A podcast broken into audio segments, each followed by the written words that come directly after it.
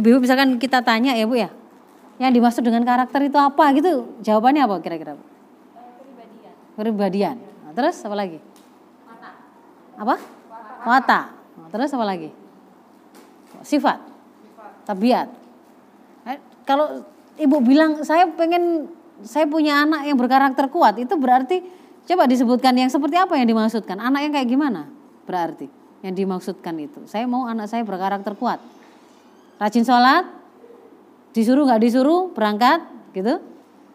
Kalau misalkan dia menemui masalah atau menemui penghalang, misalkan kesulitan, dia tetap nggak mudah menyerah, gitu ya.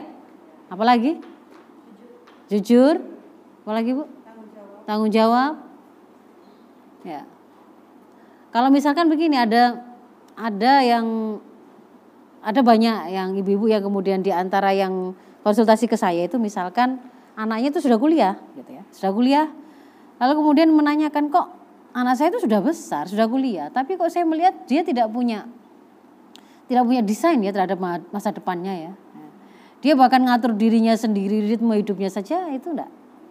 Saya melihat kok nggak bisa belum bisa saya lepas gitu. Sholat aja masih dibangunin. Mandi perlu diingetin atau kemudian yang lain-lain ya? Itu misalkan. Masuk itu dalam karakter? Ya enggak. Iya enggak. Bagian. Nah, habis itu kalau begini ada yang bertanya begini. Anak saya itu sebenarnya ketika dia mondok di sekolah itu setiap hari dibiasakan. Namanya sholat berjamaah itu dibiasakan. Malah kalau yang di pondok itu jam 3 bangun sholat tahajud ada murojaah ngaji itu tiap hari pasti ada. Biasa mereka itu. Tapi ketika pulang ke rumah kok saya mendapati anak saya bahkan sholat wajib saja itu harus diingetin. Mepet-mepet mau habis waktunya misalkan begitu. Nah, apa yang kemudian apa itu termasuk karakter? Masuk nggak? Ya. Berarti ada kok ada yang ber, ada berbeda ya? Ada perbedaan antara ketika karakter dia di di pondok dengan ketika dia di rumah gitu. Berarti Ya, ya, ya enggak? Itu termasuk yang mau dijawab enggak? Ya. Ya. Terus kalau kemudian sekarang ibu-ibu lihat kemarin ada fenomena apa? CFW ya. Citayam Fashion Week. Citayam itu tahu nggak ibu-ibu itu generasi Citayam itu anak-anak yang gimana? Itu kan anak-anak yang mulanya mulanya adalah sehari-hari itu cangkruk di situ. Ya, nongkrong di situ seharian. Kenapa kok bisa nongkrong seharian? Karena mereka ndak naik sekolah, mereka anak-anak putus sekolah. Nongkrong di situ dengan gaya berbusana yang khasnya mereka supaya dianggap keren, mereka punya gaya sendiri ya. E, slayer itu ya, taruh di kepala ya. E, celana itu lututnya harus bolong. Kalau perlu salah satu ditarik, jadi salah satu panjang, salah satu pendek. Terus habis itu nanti kalau atasannya terlihat utelnya, ya, pusatnya. Terus ngomongnya nanti pakai dan seterusnya begitu ya. Nah, apa yang kemudian kita lihat dari tampilan anak-anak itu itu karakter atau bukan? Iya. Ya.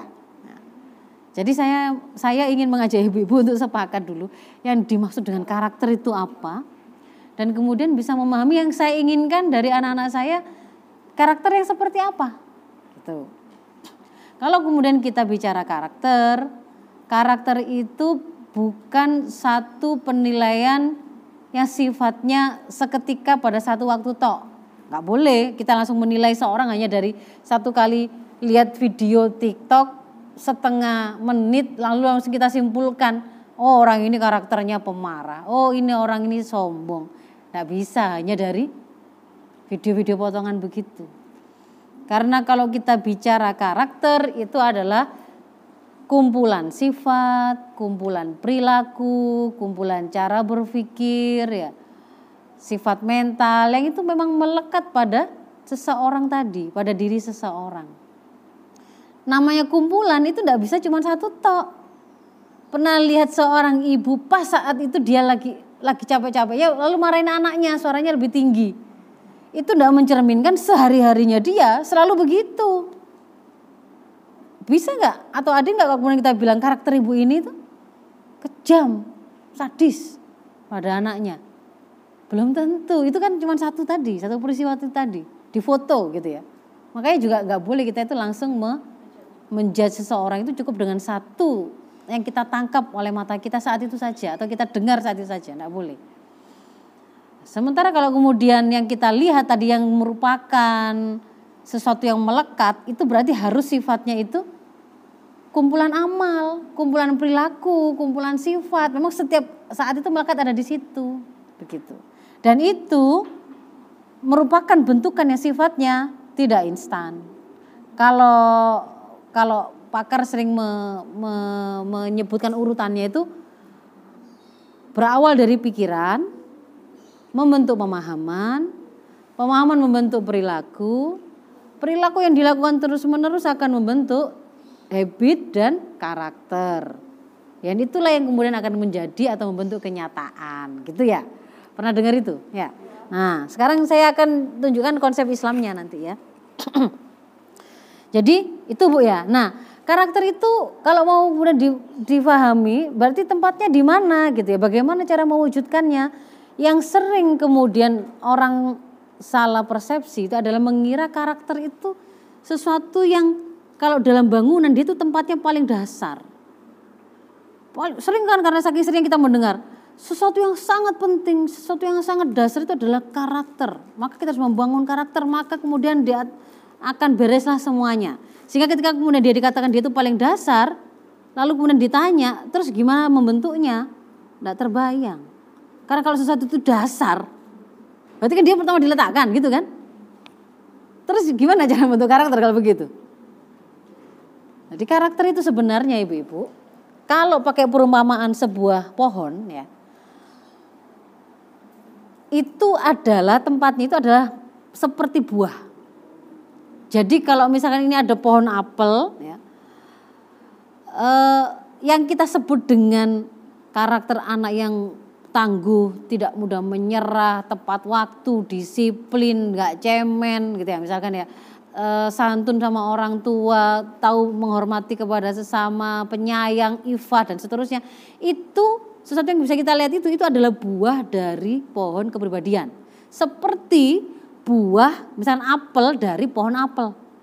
Jadi dia itu buah. Maka prinsip pertama kalau kita mau mendapatkan buah apel yang harus dilakukan apa? Menanam pohon apelnya menanam pohon apelnya. Menanam pohon apel itu berawal dari apa dulu? Benihnya harus benih pohon apel. Itulah mengapa tadi kemudian saya tanya yang mau dicari karakter yang mana. Karena itu nanti akan menentukan pilihan benih apa yang mau kita tanam. Kalau kita menginginkannya stroberi, tidak bisa kita menanam benih yang bukan stroberi karena hasilnya nggak akan stroberi. Kalau mau apel, ya kemudian harus benih apel. Nah dalam konteks kepribadian, karakter tadi itu kan buah dari kepribadian Islam. Dia itu khas, sehas bisa dibedakan antara meskipun sama-sama merah antara apel dan stroberi jelas berbeda kan? Sama dengan karakter yang kita mau wujudkan. Misalkan saya ingin anak saya itu adalah anak-anak yang menjaga ifah atau kehormatannya. Di antara yang bisa dilihat itu apa? Dia tidak zina dia bahkan tidak mendekati aktivitas zina. Dia tidak pacaran, dia tidak terlihat uh, mojok, dia tidak terlihat apa coba mengakses eh, tontonan-tontonan yang porno misalkan begitu ya. Itu mungkin kita sebutkan begitu. Nah, maka untuk tampilan yang sama seperti ini kelihatannya kok sama, tapi belum tentu ini merupakan buah yang kita inginkan ketika ada mahasiswa misalkan tidak terlihat pernah pacaran, tidak pernah terlihat zina, itu bisa jadi satu karena saya tidak memang tidak mau ber, berzina. Mendekati zina itu keharuman kenapa kalau memang kemudian itu keharuman kata Allah kenapa kok kemudian kamu dengar kata Allah? Karena Allah itu pencipta saya. Pencipta saya itu yang mengatakan bahwa hidup saya itu adalah untuk beribadah kepadanya. Beribadah kepada itu adalah dengan cara apa? Mentaati apa perintahnya. Meninggalkan larangannya. Nah di antara larangannya itu adalah dilarang mendekati zina. Nah maka saya tidak akan melakukan itu. Itu tampilan anak yang pertama dia tidak kelihatan berpacaran, dia tidak kelihatan berzina karena ternyata ada sandaran ke bawahnya karena saya itu siapa, Saya itu adalah seorang muslim, hamba Allah yang diciptakan oleh Allah dengan misi penciptaan ibadah. Tapi ada yang tampilannya sama gitu loh. Sama-sama ini sak, sak, sak fakultas mungkin, sak semester mungkin, sama-sama nggak pacarannya. Tetapi yang ini bukan karena itu. Karena yang ini nggak memang nggak nggak dapat nggak dapat apa? Nggak ada yang mau sama dia gitu loh. Sebenarnya kalau ada yang mau dia mungkin sudah zina gitu loh. Gak laku ini tadi. Nah ini kan berbeda toh. Tampilan kelihatan sama. Paham ya bu ya? Tapi sebenarnya ini berbeda. Sama seperti yang saya katakan tadi, buah itu khas. Sama merahnya kalau kemudian satunya stroberi, satunya apel itu berbeda. Sekarang sama, misalnya ambil, saya ambil yang kedua. Menutup aurat, sama-sama menutup aurat. Saya pengen mana saya itu menutup aurat. Kelihatannya berarti bentuknya seperti apa menurut orang itu? Berhijab dia. Berhijab syar'i. Begitu ya, Bu ya? Apakah selalu orang yang berhijab syar'i itu merupakan karakter yang mau kita ingin yang kita ingin mau kita bentuk pada anak saya? Ada yang Kenapa kok kamu berpakaian seperti itu? Karena ini adalah pakaian takwa, pakaiannya seorang mukmin, seorang yang mengakui bahwa Allah adalah penciptanya, zat yang mengatur dirinya. Di situ dikatakan ada perintah di An-Nur 31 dan juga Al-Azab 59. Wajib menutup aurat, wajib berjilbab, tidak boleh menyerupai pakaian orang kafir. Dia ada runtutannya, ada sandarannya. Keluar tampilan kayak gitu itu ada sandarannya gitu ya. Yang ini sama, sama persis. Kalau kemudian mungkin modelnya bisa jadi sama. Kenapa Anda pakai baju seperti itu? Ini bagian dari fashion. Bagian dari kalau mau diakui di komunitas saya ini ya cara berpakaian itu memang kayak gini. Kok kok kok kamu memilih baju gamismu kok seperti itu? Kok jilbabmu eh, kerudungmu kok seperti itu? Itu nggak ada kemudian gambaran jawaban seperti yang saya sambutkan sampaikan sebelah sini tadi. Ini hanya model saja. Tuntutan profesi kah? Tuntutan eh, pergaulan kah? Gitu ya. Bukan kemudian dia memang memilih untuk begitu. Paham? Nah, jadi karakter itu khas. Karena buah apel tidak akan dihasilkan oleh pohon selain pohon apel, maka karakter yang kita inginkan, kita wujudkan ada pada diri anak-anak kita yang kemudian kita sebut sebagai akhlakul karimah, akhlakul mahmudah, tampilan anak-anak yang solih solihah, muslih ya. Dia taat, dia memperbaiki masyarakatnya, dia kokoh dan seterusnya itu adalah dua hal yang berbeda. Benihnya berawal dari benihnya itu sudah berbeda. Maka jangan salah menanam benih. Jangan salah menanam benih karena nanti akan menghasilkan profil yang berbeda. Sama-sama menghabiskan waktu seharian. Satunya anak-anak Citayam tadi, CSBD tadi, nongkrong. Mungkin dia sudah putus sekolah sejak tiga tahun yang lalu, mungkin empat tahun yang lalu dia tiap hari ada di situ. Di, sama dengan orang yang menghabiskan puluhan e, belasan tahun. Misalkan saya ambil kisahnya Bukhari 16 tahun. Dia menghabiskan waktu bahkan ngeluyur terus itu Bu. Dari satu tempat ke tempat yang lain sampai menemui 80 ribu orang yang bisa meriwayatkan hadis untuk mengumpulkan satu juta hadis. Beliau analisa, beliau peras sampai ketemu 7 ribu hadis yang sahih saja lalu menjadi Sohih Bukhari. Tampilannya sama-sama menghabiskan waktu. Sama-sama tidak nikah, misalkan gitu. Yang viral di media mengatakan saya tidak akan menikah. Gitu. Laki-laki bu, saya nggak akan menikah. Dan sebelum dia sebenarnya sudah banyak itu anak-anak milenial hari ini yang punya prinsip begitu. Nggak mau nikah, child free, nggak mau punya anak kan gitu kan bu ya. Nah Imam Nawawi juga tidak menikah. Apakah sama? Apakah sama sama-sama terlihat tidak menikah itu kemudian wah ini berasal dari pohon yang sama? Tidak sama.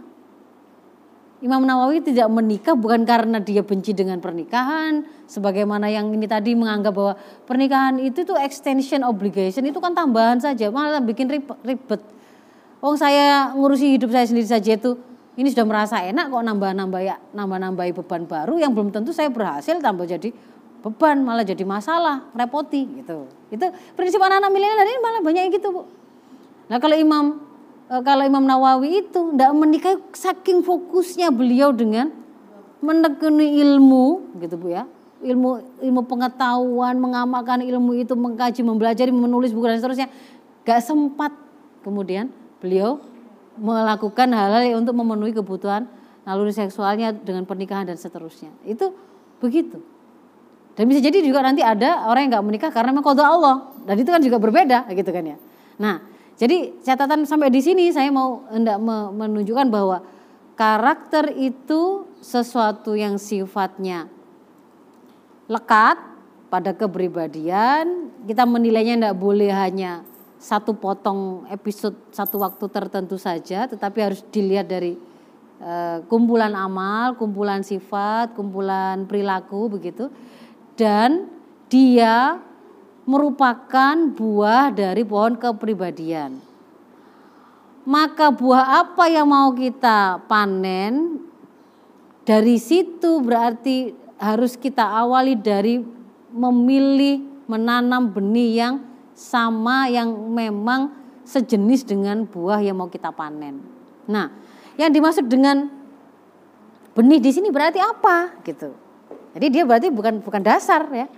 Kalau pohon itu sebelum dia ada buah ada dulu kan sesuatu sebelumnya kan? Sebelum buah bunga ya. Bunga berarti sebelum berbunga di situ pohon itu berarti sudah membesar dulu. Sudah kuat dulu, sudah ada berdaun dulu, sudah kokoh dulu. Sudah ada proses apa namanya? Sebelumnya itu kecil lalu kemudian sebelumnya lagi kalau ditarik lagi mungkin berawal dari kecambah ya kan? Sebelum lagi mungkin berawal dari e, biji yang kemudian keluar akarnya kan gitu. Ada yang lebih mendasar daripada buah, berarti kan? Ada yang lebih dulu daripada buah. Nah, maka kalau kemudian kita bicara buah e, karakter tadi itu adalah akhlakul karimah, akhlakul mahmudah kalau dalam bahasa Islam itu adalah sifat-sifat kumpulan sifat-sifat yang diperintahkan oleh seorang muslim untuk menghiasi dirinya dan sifat-sifat tersebut, maka itu adalah lahir dari pohon kepribadian Islam. Pohon kepribadian Islam itu benihnya adalah tauhidullah. Adalah keimanan seseorang akan dia itu berasal dari mana? Siapa saya? Dari mana saya? Dari mana alam semesta ini, kehidupan ini, ada pohon, ada gunung, ada ada laut, ada suhu, ada dan seterusnya ini ya, ada langit, ada matahari, ada kucing, ada kehidupan, ada yang baru lahir, ada yang kemudian membesar, kemudian ada yang mati itu ada kehidupan. Nah, ini dari mana semua ini gitu ya? Dari mana? Untuk apa mereka ada? Setelah ini mau ke mana? Karena mereka menyaksikan kan oh, ternyata manusia juga mati, pohon juga bisa mati, ada yang hancur. Itu ke mana mereka? Gitu. Nah, jawaban jawaban yang benar terkait dengan tiga pertanyaan dasar ini ini kenapa kok saya bilang tiga pertanyaan mendasar? Karena tidak ada yang lebih mendasar daripada pertanyaan tentang hakikat diri kita, alam semesta dan kehidupan ini. Kalau kita punya pertanyaan, saya hari ini mau masak apa? Itu pertanyaan kan? Itu sifatnya cabang. Ibu tidak akan bisa menjawab itu kalau ibu belum bisa menjawab untuk apa ibu hidup. Kan saya mau masak apa? Loh, kenapa kok saya harus masak? Loh, karena saya ini ibu gitu. Saya seorang istri. Loh, kenapa kok kemudian e, kamu itu e, kalau kalau istri kok kemudian harus begitu? Itu kan ujungnya adalah untuk apa sih saya itu hidup? Kan gitu. Bagaimana saya mau saya mau pakai baju apa? Saya mau bergaul dengan cara bagaimana? Saya mau zina atau tidak? Saya mau kalau anak saya nakal mau saya boleh saya pukul atau tidak? Nah, itu itu adalah pertanyaan-pertanyaan cabang dari pertanyaan dasar untuk apa? Bagaimana saya menjalani hidup? Makanya ya dari mana saya, untuk apa saya dihidupkan, setelah ini mau ke mana, itu jawaban dasarnya. Jawaban dasar itulah yang akan jadi benih. Kalau kita benar menjawabnya, sebagaimana diajarkan oleh Islam, kita ini diciptakan oleh Allah, semua yang diciptakan oleh Allah. Kita hidup di sini adalah dengan misi penciptaan. Adarat 56 itu wa ma khalaqtul jinna wal insa illa budun. Kita itu diciptakan adalah untuk beribadah kepada Allah. Beribadah dengan cara apa? Menjalankan seluruh episode hidup kita dari lahir sampai kembali dikembalikan kepada Allah sesuai dengan aturan Allah. Maka ketika jadi anak di situ juga ada aturan-aturan Allah yang harus kita jalankan. Kita mengenal oh ada kewajiban birul walidain. Ketika kemudian kita mengambil amanah baru misalkan, amanah baru menikah, jadi istri, di situ pun ada aturan-aturan Allah yang harus kita terapkan supaya kemudian kita menjalani hidup kita dalam rangka ibadah. nambah amanah punya anak jadi ibu ada juga lagi di situ dan seterusnya punya mantu dan seterusnya nah tauhid ini ibu-ibu kalau di dalam Ibrahim apa 24 ya surat Ibrahim 24 itu ada perumpamaan itu gambaran pohon perumpamaan perumpamaan kalimah toyibah yang yang itu yang itu benar yang itu yang itu benih yang kokoh itu adalah dia menghasilkan pohon yang akarnya kuat menghujam ke, ke bumi dan kemudian pohonnya itu tinggi, kuat, kokoh menjulang ke langit menghasilkan buah tanpa kenal musim. Jadi berbuah sepanjang musim. Nah, itu kalau kalau kita terapkan pada konsep pendidik e, kepribadian, kepribadian kita itu bagaimana? Jadi kalau kalau kita berhasil menanam pohon kepribadian tadi dari benihnya, gitu Bu ya. Lalu kemudian benih ini itu akan menumbuhkan akar yang kuat, menghujam ke bumi kuat, memunculkan pohon yang kokoh menjulang ke atas dan berbuah sepanjang musim itu artinya selama pohon itu tumbuh selama pohon itu berdiri, kita bisa memanennya karakter tadi itu kapan pun. Selama pohon kepribadian anak kita tadi tertancap, masih hidup, tertanam dan tetap terjamin kekokohannya, maka mau dia ada di pondok, mau dia ada di sekolah, mau dia ada di rumah, mau orang tuanya masih hidup, mau orang tuanya sudah meninggal, mau dia belum menikah, mau dia sudah menikah. Dia posisi sebagai pelajar kah, mahasiswa kah, sama karakter yang tadi kita inginkan tadi tetap ada. Karena dia itu berawal dari pohon ini tadi. Paham, paham ya? ya? Jadi kita mau pastikan dulu pohon itu harus terbangun berarti. Dari benihnya tauhidullah tadi mengajarkan tauhidullah itu bukan bukan gini, bukan dogma, bukan semacam apa konsep untuk dihafalkan lalu setelah anak bisa menjawab berarti dia sudah paham. Misalkan rukun iman ada berapa? Gak gitu, gak begitu. Tetapi memahamkan siapa hakikat dirinya tadi. Dari mana? Dari mana anak kita? Dia pernah nggak bertanya tentang itu? Sampai dia mengerti ya kan? Dia bertanya, oh saya dari mana? Dari perut ibu, dari dari mana kok bisa dari situ? Oh ada prosesnya sel sperma sel ini begitu kan ya? Dari mana ada itu? Apa ibunya yang mengadakan dulu?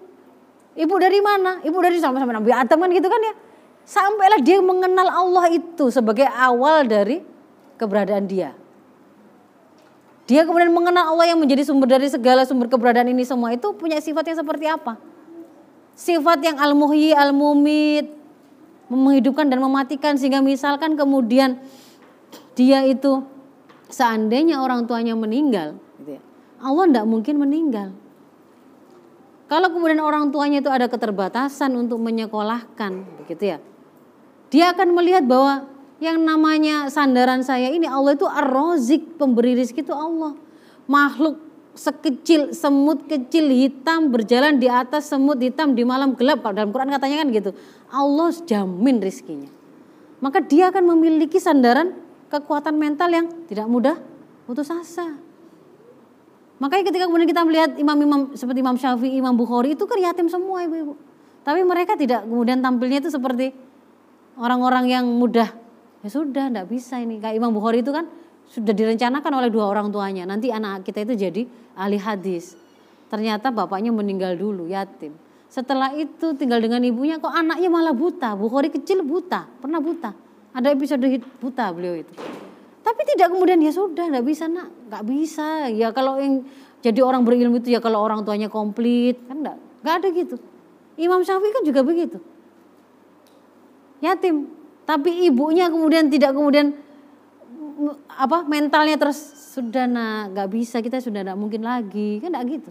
Tapi beliau itu tetap kalau saya anak saya ini, ini ingin saya jadikan sebagai seorang fakih fiddin imam saat itu yang hebat itu adalah Imam Malik. Anak saya harus jadi muridnya Imam Malik. Ibunya punya desain itu. Beliau di Palestina Imam Malik di Mekah anak saya harus mendekat ke sana. Supaya dia itu mengenal bahasa Arab dengan bagus, saya harus bawa dia hidup di perkampungan yang masih berbahasa Arab fusha. Beliau cari. Beliau ikut dampingi anak itu di situ. Jadi dia punya desain dan desainnya itu tidak dipengaruhi oleh dia sendirian sayap patah ataukah sayap yang utuh, nggak pakai begitu. Kenapa? Karena sandaran dasarnya itu adalah Allah tadi. Itu kekuatan awalnya gitu. Itu nanti untuk menjawab kok sekarang yang anak kok mudah sekali dikit-dikit kok mental illness di katanya dikasih disuruh pakai kerudung depresi ya Bu ya.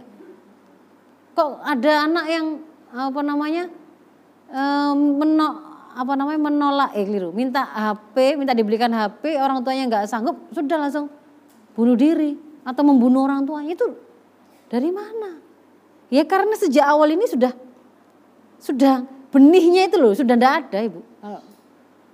Benih akidahnya tadi di uh, tauhid dua itu pertama benihnya. Nanti akarnya yang keluar itu adalah akidah Islam itu. Yang akan membuat dia itu ngerti sadar paham ada yang namanya kehidupan ini ada yang namanya akhirat, ada namanya pertanggungjawaban. Di dalam ikhtiar ini juga ada lahan mana yang itu lahan ikhtiar saya, mana itu sebenarnya nggak ada urusannya dengan ikhtiar saya. Ada yang namanya kode Allah atau takdir Allah, sehingga dia tidak akan pusing dengan yang sifatnya itu merupakan takdir Allah karena tidak akan dihisap. Misalkan hari ini banyak sekali yang orang stres, depresi karena hal-hal yang sifatnya itu sebenarnya bukan tanggung jawab dia karena itu amal Allah. Misalkan kok terlahir dengan kulit hitam, coklat, merah. Kalau dia sudah benar akidahnya tadi, dia akan paham itu bukan bukan bukan ikhtiarnya bapak ibunya, itu bukan bukan cetakan bapak ibunya. Kalau cetakan bapak ibunya, maka dia akan bisa menentukan yang akan turun ke anak saya itu gennya, mancungnya bapaknya, putihnya ibunya, kebaikan ininya mungkin begitu. Kalau itu desain dari orang tuanya. Artinya kan itu bukan dari tangan atau tanggung jawab dari orang tua kan tidak ada ikhtiar di situ, tidak ada peran akal di situ. Maka yang kemudian diminta kalau untuk itu itu kalau Allah, kita yakini itu yang terbaik. Nah, yang begini ini Ibu-ibu, kalau benar, maka dia juga akan memunculkan sebuah akar yang kuat. Kan begitu kan? Ini bicara akar benih tadi tauhid tua berawal dari iman pada Allah tapi ujungnya nanti akar yang menghujam itu adalah dia bisa meletakkan pemahaman yang benar tentang kehidupan mana itu takdir mana yang harus dia ikhtiari all out mana yang kemudian dia seharusnya mengevaluasi untuk kemudian dia perbaiki ikhtiarnya mana yang dia harus berhenti dengan menerima meyakini ini yang terbaik ada hisap kan begitu kan ya kalau misalkan di sini kemudian ada banyak kedoliman dia masih yakin ada ada keadilan Allah bayangkan kalau misalkan ibu-ibu kalau lihat kisah-kisahnya anak-anak Palestina, anak-anak Suriah yang kemudian mereka kan nggak punya salah apa-apa. Tiap hari kemudian mereka menemui situasi sulit seperti itu. Kalau mereka bukan orang yang beriman, yang yang yakin ada akhirat, ada Allah, ada surga neraka, ada pengadilan, itu pasti stres. Buat apa mereka hidup? Pasti akan milih bunuh diri, nggak akan bertahan, ya kan? Kenapa kemudian masih ada mereka yang bertahan meskipun kakinya buntung? meskipun mereka kesulitan seperti itu, masih tetap menyebut ada yang masih bisa saya syukuri. Saya masih bisa bekerja. Kan begitu kan ya? Itu itu keluar itu itu karakter orang yang muslim itu ya begitu itu mukmin ya begitu itu ketika misalnya dia mendapati ada ibu-ibu mak-mak gitu ya suaminya itu sedang lumpuh ketika kemudian ditanya doamu apa gitu padahal rumahnya itu ya nggak ada kok yang dia nggak punya apa-apa di rumah itu berdoanya itu adalah semoga Allah sembuhkan suami saya biar dia bisa ber, bekerja kan kemudian tidak saya minta dikasih rumah, dikasih ini, enggak, enggak begitu. Tetapi apa yang kemudian mana sih yang menjadi lahan kemuliaannya? Dia akan ambil itu. Ketangguhan kayak begitu itu hanya dimiliki oleh orang mukmin ibu-ibu. Nanti dia akan juga dari akidah yang sama itu dia bisa meletakkan ketaatan pada Allah, ketaatan kepada orang lain ketika menyuruh maksiat. Di di mana letaknya dia ngerti. Nah, dari akidah ini, akidah inilah yang kemudian akan memunculkan kalau batangnya ini itu adalah pilihan hidup, pilihan menjalani hidup sehari-hari. Pilihan menjalani hidup supaya sesuai dengan syariah Allah. Untuk itu pasti berawal dari dia punya pola pikir yang islami. Pola pikir islami itu setiap dia tuh mau berpikir tentang apa pun, dia selalu bertanya, bersandar, merujuk kepada aturan Allah. Anisa 65 coba dilihat. Konsekuensi orang beriman itu dua dia menjadikan apa yang dibawa oleh Rasulullah Muhammad yaitu risalah itu sebagai pemutus atau hakim. Yang kedua, setelah dia ketemu jawabannya dia menerima dengan sepenuh hati. Itu di Anisa 65. Coba nanti dilihat. Jadi kalau misalkan kemudian dia bertanya, "Saya saya ini mau makan, itu kan pertanyaan ya. Itu kan persoalan. Makan yang bagaimana? Kalau mukmin dia akan bertanya ke kepada syariah, dia akan kemudian ketemu jawabannya, ketemu jawabannya makan makan yang halal, makan yang toyib. Termasuk yang halal itu adalah ini ini ini. Kalau yang haram itu yang misalkan kemudian dia di, dia tidak disembeli dengan menyebut nama Allah, babi, khomer dan seterusnya. Maka itu kan menjadi sandaran pikirannya dia. Kalau begitu ini saya boleh makan, ini tidak boleh saya makan. Hasil berpikirnya, pemahaman itu tadi tentang halal haram itu mengikat amalnya. Nah, ini proses berikutnya. Ini sebenarnya tampilan pohonnya ini. Mengikat amalnya. Maka kemudian setiap dia makan, oh dia makan yang halal. Setiap dia pakaian, oh menutup aurat. Ketika kemudian dia berbicara kepada orang tuanya, dia tahu. Boleh nggak ya? Orang tua saya ini menjengkelkan banget tuh. Masa ibu saya itu manggil saya itu kalau nggak hanya mau marahin, misalnya manggil saya, Faiza, misalnya begitu ya. Anak itu langsung, engkon gitu ya. Apa mana? ini nih gak diseneni ya, disengkon apa lagi gitu. Karena panggilannya cuma hanya untuk itu, ibu-ibu itu ternyata. Ada yang gitu. jangan ya, jangan sampai kita memanggil namanya terus eng gitu ya. Anak kita terus punya pikiran gitu, janganlah. Nah, misalkan kemudian dia ini terus berpikir ini ya, anak ini tadi kan sudah mungkin misalkan sudah balik gitu ya. Sadarnya sudah kita berikan. Kemudian dia berpikir, boleh gak ya saya sekali waktu itu karena saking jengkelnya itu, apa sih bu? Nah begitu ya. Misalkan gitu ya, dia pengen, dia kan berpikir ini. Saya mau beramal tentang ucapan, saya mau berucap sesuatu kepada ibu saya, rasanya itu kalau ngikuti kata hati saya itu pengen apa sih? Gitu misalnya begitu ya. Apa sih bu ya tapi kemudian dia ingat. Saya mukmin. Akidahnya tadi kan? Mau ngapain saja itu harus bernilai ibadah. Nilai ibadah itu harus sesuai dengan syariah Allah. Maka saya nanya dapatlah saya jawaban fala takullahuma uffin jangan sekali-kali ngomong dengan orang tuamu dengan kata-kata ih ih ah. Pokoknya sifatnya me, menghardik, membentak. Fakul fakullahuma kaulan karima. Kalau ngomong sama kedua orang tuamu, omonglah kaulan karima, kalimat yang mulia. Ya sudah, kalau begitu pemahaman sudah, oh nggak boleh. Kalau begitu, sudah saya ikat amal saya. Gebu, kan gitu. Keluarnya. Meskipun tadi sebenarnya dalam proses berpikirnya tadi sempat itu tadi ada ada nafsu, ada keinginan yang sebenarnya pengen ngomong nggak kayak begitu. Tapi kemudian diikat dengan pemahamannya sehingga pola sikapnya tadi juga menjadi islami sebagaimana pola fikirnya. Nah, pola fikir islami, pola sikap islami itu kalau ketemu namanya itu membentuk kepribadian islami. Tampilan yang kemudian akan kita lihat dalam kumpulan amal setiap saatnya, sifat-sifat yang dikeluarkan oleh anak ini tadi, itulah yang kemudian kita sebut sebagai karakter tadi. Maka dia akan lihat, kita lihat kalau ngomong ada lemah lembut pada saatnya, ada tegas pada saatnya. Termasuk orang tua juga begitu. Yang namanya tegas itu tidak berarti keras. Tidak berarti suaranya tinggi. Semakin tegas berarti semakin tinggi frekuensinya. Kata siapa? Justru kemudian malah tipsnya kalau kita mau bicara yang itu menunjukkan penekanan itu frekuensi rendahkan. Frekuensi justru rendahkan. Kalau mau menunjukkan ketegasan dan ke apa e, keseriusan pembicaraan itu justru ditekan. Justru kalau yang kalau kemudian yang kita mau mau membuat suasana seperti ceria, naikkan. Naikkan itu kayak eh dulu pinternya kan gitu kan bukan duh pinternya kan gitu duh pintarnya anak kan gitu. Kalau suasana gembira kan justru frekuensinya dinaikkan. Tapi kalau kemudian yang itu justru pen, menekankan untuk ketegasan peringatan malah direndahkan. kan gitu kan ya. Jadi tidak kemudian oh tegas sama dengan keras enggak. Nah, jadi itu Bu, itu tadi tentang karakter. Bisa dipahami ya? Terbayang kan ya berarti dia itu kalau mau kita panen setiap saat berarti pastikan pohon ini berarti tertanam kuat, sehat, kokoh nggak mati. Nah, faktor lainnya itu apa? Setelah kemudian kita berhasil menanam pohon ini tadi sampai kemudian oh, benihnya sudah tumbuh keluar akarnya kuat. Kemudian pohonnya juga ter, terbangun kokoh dan sudah kelihatan karakter-karakter sudah kita lihat ya, buahnya sudah kita lihat. dia juga membutuhkan untuk tumbuh suburnya itu adalah lingkungan yang kondusif. Lingkungan yang kondusif.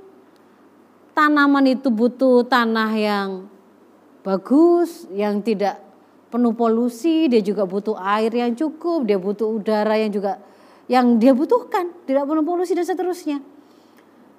Juga kebutuhan-kebutuhan itu tadi sebenarnya proses pemeliharaan untuk menumbuhkannya tadi itu juga harus mempertimbangkan proses tumbuh kembangnya. Kalau pohon itu masih kecil kan tidak bisa itu sembarangan disiram air. Kebanyakan air mati. Kebanyakan misalkan kalau anak itu masih usia usia dini kemudian semua semua yang dia inginkan kita kita posisikan seperti kebutuhan kita penuhi. Dia tidak pernah belajar tentang mengenali mana kebutuhan, mana keinginan, eh, mana Ya mana kebutuhan, mana keinginan. Mana butuh, mana ingin. Dia nggak mengenali bagaimana mengendalikan diri. Nggak pernah belajar tentang mengendalikan diri. Akhirnya itu tadi. Dia ingin yang dia tahu pokoknya setiap saya punya, saya pengen apa-apa, pasti dipenuhi. Ketika kecil keinginannya akan hal-hal yang sifatnya kecil, mainan-mainan kecil. Kalau sudah sudah SMP, SMA, kuliah ya sudah permintaannya berbeda. Mintanya HP, mintanya motor, mintanya mobil, Gak dipenuhi.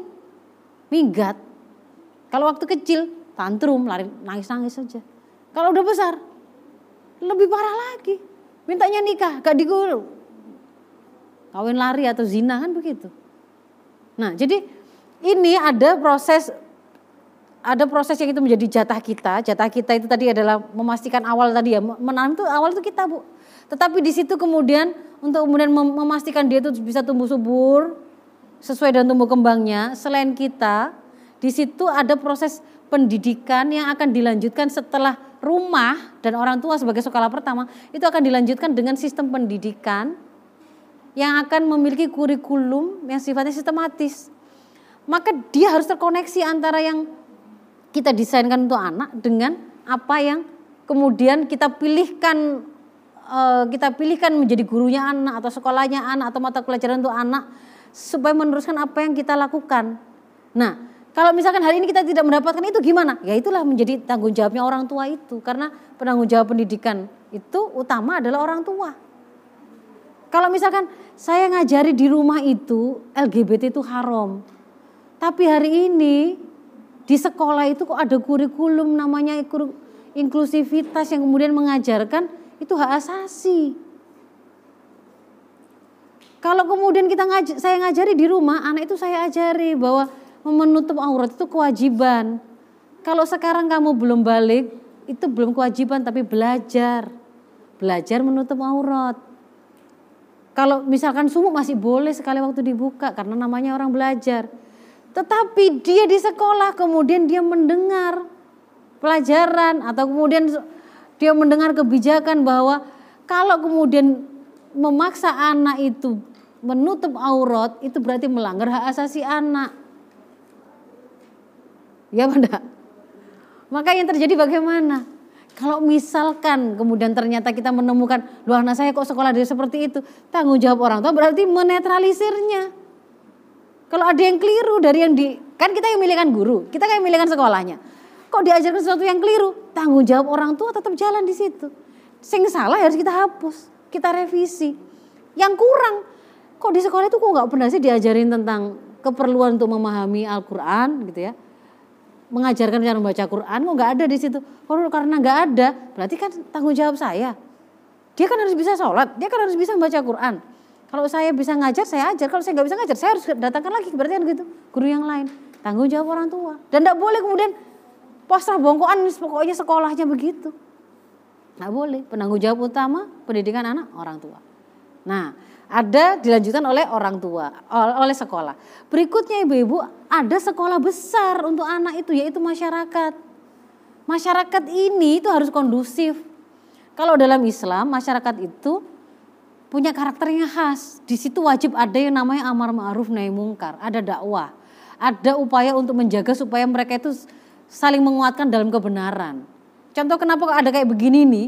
Ini hanya ada dalam masyarakat Islami dalam konteks kehidupan orang-orang beriman ini begini ini ada dakwah begini ini. Kalau di dalam kehidupan sekuler tidak ada namanya dakwah begini. Kenapa kemudian kita perlu mendatangkan guru mengingatkan kita? Karena kita ingin saling menguatkan di tengah masyarakat. Lah masyarakat hari ini itu bisa jadi bukan tanah, udara, atmosfer yang memang kondusif untuk tumbuh kembang anak kita. Anak-anak kita belajar tentang FBB, pernah dengar FBB? Friend with benefit. Ini istilah kalau anak yang punya anak-anak besar ya, anak-anak yang sudah sudah dewasa gitu ya. Friend with benefit itu Bu, gampangannya itu pokoknya nge-sex nge-sex secara bebas kayak kucing komplek gitulah. nggak perlu pakai kenal. Itu mereka kenalnya itu bagaimana melakukan FWB yang yang nyaman gitu ya. Itu nggak nggak di sekolah belajarnya. Tapi belajar di mana? Di tontonan TikTok, di sosmed. Kok bisa ada anak SMP berenam membunuh temannya lalu dibuang ke sungai? Apa dia diajari gurunya di sekolah? Apa diajari orang tuanya? Enggak. Belajar dari mana? Kok ada anak SD membuli temannya, nyuruh me, menyetubui kucing, divideokan, divi, disebarkan. Anak SD loh. Dari mana? Berarti ada tempat sekolah lain kan begitu Bu? Itulah namanya masyarakat, sekolah besar generasi. Kalau di tengah masyarakat itu halal haram tidak ada, baik buruk tidak ada, terpuji tercela tidak ada, semua ide boleh dijajakan, campur di situ, maka itu menjadi sumber kerusakan anak-anak kita. Pohon tadi juga nggak akan bisa tumbuh. Kita berusaha jaga, rusak lagi. Berusaha jaga kayak hama gitu. Rusak lagi. Jadi kalau mau pakai apa mewujudkan karakter kuat tadi, ya sampai saat mewujudkan masyarakat yang sehat dan kondusif tadi. Harus ada amar ma'ruf nahi mungkar di sana. Nah, warna masyarakat itu seperti apa? Itu sangat ditentukan oleh kebijakan apa yang diterapkan. Kebijakannya itu menghalalkan aurat boleh kelahiran di mana-mana enggak? membolehkan ada zina meskipun dilokalisir enggak kan begitu kan ya kalau ada predator seks anak itu terus dapat hukuman yang menjerakkan ataukah tidak? Itu tuh bicara tentang penerapan sistem persangsian penerapan sistem media penerapan sistem ekonomi menjamin kesejahteraan atau tidak kan begitu? Siapa berarti ada peran di situ yang lain? Negara. Jadi kalau kita bicara ternyata mewujudkan karakter kuat pada ananda ada porsi kita ada porsi sistem pendidikan ada porsi sekolah besar, sekolah besar itu adalah masyarakat dengan beragam penerapan sistem di atasnya. Dan itu ada penerapnya yaitu negara. Nah, yang bisa kita harus kita sempurnakan tidak boleh ada excuse adalah posisi kita sebagai sekolah pertama, guru pertama bagi anak, peletak dasar kepribadian. Itu tidak boleh kemudian dilepaskan. Maka harus mengilmui apa yang menjadi tanggung jawab kita. Minimal itu adalah sampai anak mukallaf. Karena kalau tanggung jawab orang tua itu dibilang berhasil itu ketika dia melepaskan anak siap ketika dia menjadi seorang mukallaf. Sudah terbebani hukum, sudah dihitung oleh Allah, dicatat oleh Allah amalnya bagaimana, perkataannya bagaimana, ada tanggung jawabnya. Ternyata dia siap untuk taat. Dia sudah kenal bahwa dia itu hambanya Allah. Dia itu sudah mengerti bahwa dia itu hidup adalah untuk terikat pada syariah Allah. Syariah yang mana? Kalau terkait dengan amal-amal yang dia lakukan keseharian. Kalau dia belum menikah berarti belum perlu ilmu itu. Tetapi kalau bahwa dia itu ada, dia adalah anak, dia adalah ada kewajiban birul waliden, berbicara pada orang tua harusnya seperti apa, ada kewajiban menuntut ilmu, ada kewajiban sholat lima waktu, dia sudah ngerti. Itu tanggung jawab orang tua. Gitu. Bisa dibayangkan? Ya. Jadi ada proses membangunnya dan kemudian proses untuk menjaga kalau sudah akhirnya berhasil tegak lalu sudah kita lihat karakternya penjagaannya tadi itu juga harus terus menerus Kenapa begitu? Karena pada saat yang sama, jadi bukan begini, kan sudah terbangun Ustazah, kan sudah selesai saya, anak itu sekarang sudah kuliah. Saya sudah selesai tugas saya. Tidak bisa. Karena faktanya ternyata setiap bangunan kepribadian anak kita tadi itu mengalami serangan di setiap levelnya. Akar misalkan akidah. Hari ini kita kan mengajarkan kepada anak kita bahwa kamu itu harusnya jadi muslim kan? Dan itulah yang benar. Jangan sampai meninggal dalam keadaan muslim. Bahkan itu jadi tugasnya ayah. Masuk surga sekeluarga itu tugasnya ayah yang memimpin kan gitu kan ya. Gak boleh ada sampai kemudian orang ayah kok melepaskan anaknya boleh murtad nggak boleh. Dia harus berusaha untuk menjaga anak istrinya dan dirinya untuk masuk surga bersama-sama. Nah, Hari ini ibu-ibu, itu ada banyak serangan yang berusaha untuk mengajari anak kita semua agama sama. Semua agama benar. Lah kalau semua agama sama, semua agama benar, kan dia akan mikir begini. Lah kalau begitu kenapa kok saya harus jadi agamanya Islam? Kan sama saja. Kan benar semua. Nah timbangannya benar semua ribet kalau Islam itu pakai menutup aurat, pakai sholat, pakai ini. Lima waktu sehari. Ada birul walidin, ada ini. Lebih baik ganti saja. Ini sungguhan ini ada ada seorang dosen yang ada di satu forum begitu bertanya kepada saya. Jadi beliau ini ngajar Pancasila, beliau menerangkan kepada mahasiswanya tentang itu tadi, inklusivisme tadi.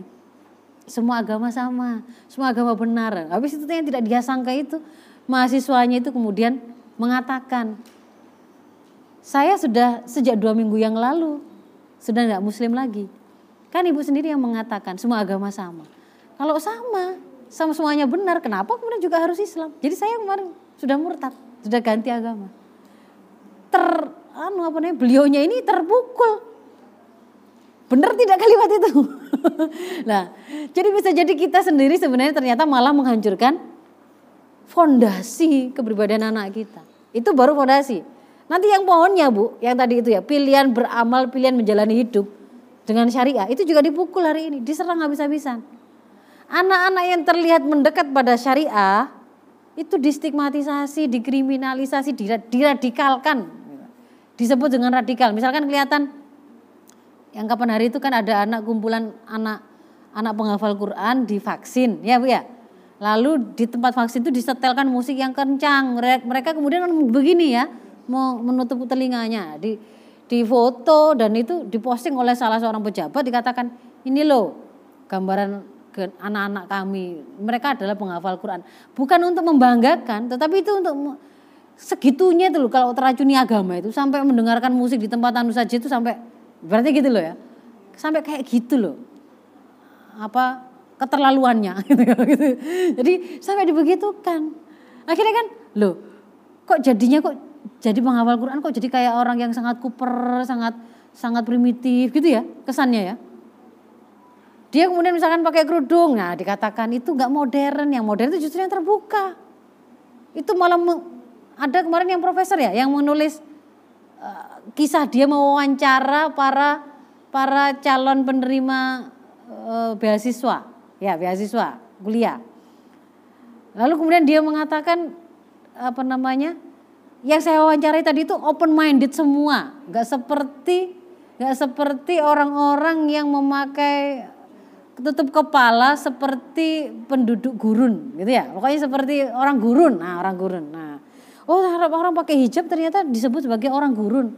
Dikontrakan dengan orang yang open minded jadi kalau open minded itu nggak kudungan ya. Dia, dia jadi diserang. Anak kita jadinya kan merasa apalagi ditambah tadi itu. Nggak harus kemudian taat syariat justru kalau kemudian orang tua mau memaksa wow itu melanggar asasi. Bisa dilaporkan. Kamu merasa terganggu pulang malam, lalu diingatkan, kok sampai ya jam segini nak pulangnya? Kamu merasa terintimidasi dengan verbal bapakmu, ibumu, kekerasan verbal. Bisa dilaporkan. Apa yang akan terjadi? Anak-anak kita akhirnya dilemahkan untuk keterikatan pada syariahnya kan begitu. Itu. Jadi harus kita kuatkan terus Bu berarti. Akidah ya setiap saat. Ketika pada syariah juga begitu. Kita terangkan tentang syariah itu sebenarnya adalah solusi yang kamu cari nak. Semakin kamu pegang kamu itu semakin seperti punya matahari yang menerangi setiap jalan. Nggak perlu kesasar. Nggak perlu pernah merasakan menyesalnya pernah hamil di luar nikah. Tapi karena sudah kefaham kamu akhirnya terjaga pergaulanmu. Nggak perlu hamil dulu baru kemudian oh iya ya ternyata keliru ya. Nggak perlu. Karena sudah ngerti ada tuntunan syarat di sini begitu. Dan itu seharusnya memang kemudian disempurnakan pelindungannya oleh sampai pada level negara dan masyarakat. Mungkin itu ibu-ibu yang bisa saya sampaikan. Silakan kalau ada pertanyaan.